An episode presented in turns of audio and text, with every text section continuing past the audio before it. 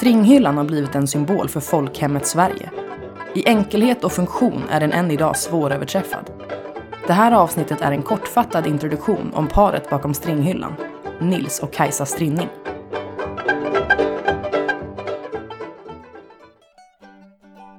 Nils Strinning, han föddes i Kramfors den 8 december 1917. Död i maj 2006. Jag ska börja med ett citat som Nisse någon gång har sagt, för det tyckte jag var lite kul och tycker Mm. ändå nog, nog beskriver hur han var. Jag hittade på en liten stege av ståltråd och så blev jag rik på den. Och Mm. han skulle tydligen även knäcka Arne Jacobsens Myran som var den moderna stolen liksom. Ja, just det. Mm, så hade han faktiskt en mapp, vilket är lite kul, men en mapp med massa olika stolsmodeller.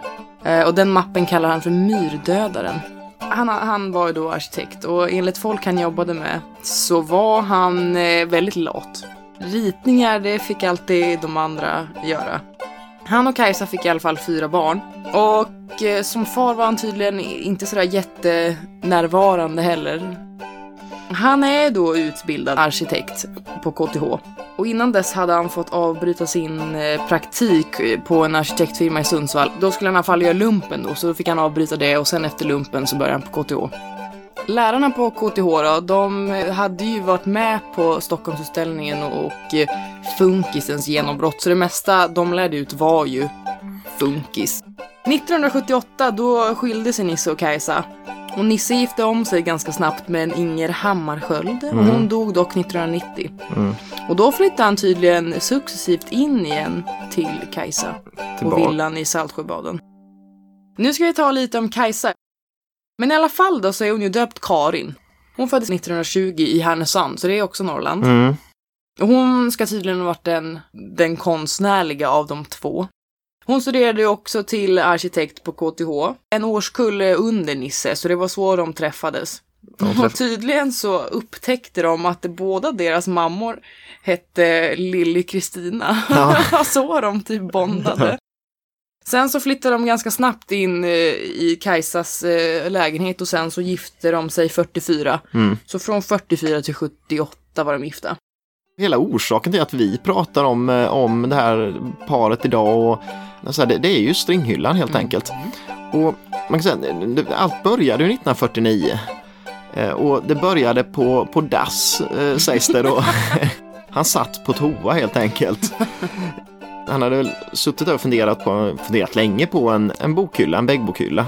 Plötsligt då så kom han på att jäklar, jag ska inte ha konsoler, jag ska ha gavlar med stegar i metall. Och där kom idén till stringhyllan.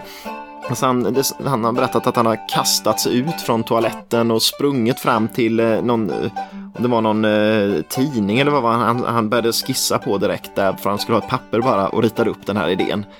Och eh, Kajsa var inte alls förtjust tydligen i början. Hon tyckte så att hålla på- med något vettigt istället. Det där det går det åt huvudet liksom den här hyllan. nu, Det får du.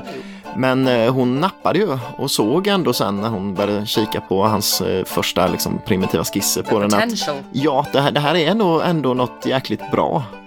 De skulle göra en hylla för att testa. Mm. Eh, och, då, ja, och då blev det liksom en, sån här, en urhylla. Den här urhyllan till string. Undrar var den tagit vägen egentligen. Den, Mm. Finns den kvar? De kallade den då för Sing. Ja. Men mitt i det här då har eh, man en utställning i eh, Zürich med svensk design. Och av någon anledning, jag vet inte riktigt, eh, så, så får, får Nisse ta med bord som man idag kallar som en stringben. Och det känns som 1949 var ett sånt väldigt händelserikt år för, för eh, Nisse också.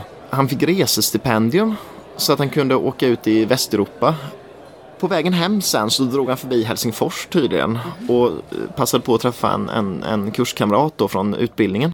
Eh, och han eh, höll också på att jobba med en vägghylla som hade lite samma stuk som stringhyllan. Men sen finns det ju en orsak till kanske att stringhyllan kom igång ordentligt eller att, att den kom att utvecklas. Bonniers folk, folkbibliotek. Mm. För det var ju de som eh, sen kom att, att nappa på den här idén.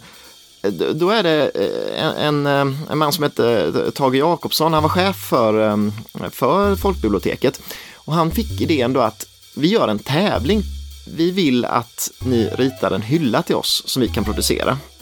Men hade Nisse redan tänkt på hyllan innan Det tävlingen? framgår inte riktigt. Jag, jag tror att det är en efterkonstruktion lite. Det, det sägs att stringhyllan passade bra in på tävlingsreglerna men det kan nog vara lika gärna så att, att eh, Nisse såg den här tävlingen och jag, vet inte Nej, riktigt. vi- men nej, det känns lite too good to be true att han höll på med en hylla precis då. in, ja. ja. Det är väl mycket som talar för att när vinnarna presenterades så visste Nisse och Kajsa redan om att de hade vunnit. Mm. De hade innan vinnaren eh, presenterades så hade de blivit eh, liksom så inbjudna till eh, Bonnier. Och eh, de hade kommit överens om att eh, de skulle få royalty på 25 öre per gavel. Eh, och, och det där diskuteras ju också i och för sig, det där med namnet. För det kom ju på förslag string. Och det syftar ju på strinning, men också då på ehm, Men den är ju stringig på något sätt. Jo men ex ja, exakt, strings, alltså Ja, jag strängar och det är väl också det de har tänkt på givetvis att det är mm, metallsträngar, metalltrådar. Eh. Det är ett bra namn på många vis. Jäkla bra namn och funkar bra internationellt. String. Ja. Eh, Första gången den visar sig i tidningen Form, eh, nummer ett, 1950. Och då kallas den ju BFB-hyllan och det är det som står på väldigt många av de här hyllorna, BFB, eh, Bonniers folkbibliotek måste det ju stå Aha, för. Ja, ja. Och redan, alltså det är ju en jäkla succé från början. Redan vid nyår så kan paret Strinning eh, kvittera ut 10 000 spänn i royalty. 1952 så finns det med på Rös, Röska eh, museet i Göteborg på utställning där. Och det är samma år som man startar där String Design AB som ska vara företaget som, som producerar stringhyllorna.